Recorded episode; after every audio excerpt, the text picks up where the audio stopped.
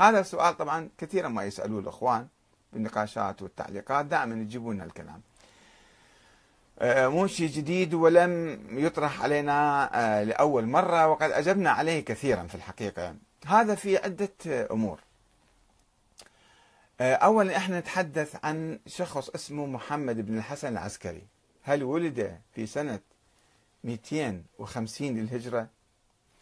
وأخفاه أبوه واستمر في الحياة إلى اليوم اسمه محمد بن الحسن العسكري. أم هذا شخص وهمي فرضية ما له أي دليل على وجوده ولا على ولادته ولم يره أحد طوال هالألف سنة وأكثر من ألف سنة.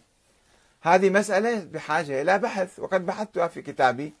الإمام المهدي محمد بن الحسن العسكري حقيقة تاريخية أم فرضية فلسفية؟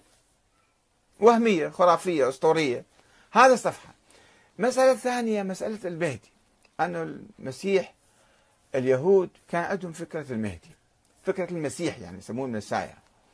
المسايا أو المسيح أو الممسوح يعني في التلمود وفي كتب اليهود في إشارة أن واحد سوف يأتي وينقذ الشعب اليهودي وإجى المسيح واعترف به بعضهم ولم يعترف به أكثرهم وحتى الآن لا يزالون ينتظرون فد واحد يجي.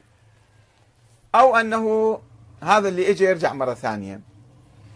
أما الشعوب الأخرى والأديان الأخرى فأيضا هذه حالة يعني آه، في ضمير الإنسانية. يمكن يكون موجود دائما عندما يعيشون القهر والظلم والفساد والاضطهاد يصير عندهم تعلق بفد واحد يجي ينقذهم. وواحد ممكن يحررهم يجيب العدل لهم. وهذه فكرة يعني بحد ذاتها فكرة سلبية. لأنه إحنا إذا نأخذها بالصورة الطبيعية.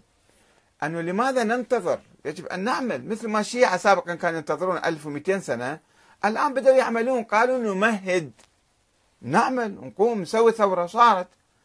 صارت الثورة وصارت الحكومة وصار لهم حكومات عديدة وحركات ومقاومات. فإذا ما نحتاج ننتظر واحد. إحنا نقوم و آه، نحقق هذا الهدف كما حدثتكم قبل مدة عن الثورة أو الحكومة السربدارية في خراسان في نيسابور. أيضا كانوا ينتظرون واحد يجي يخلصهم وبعدين أو يدعون المهدي يخلصهم.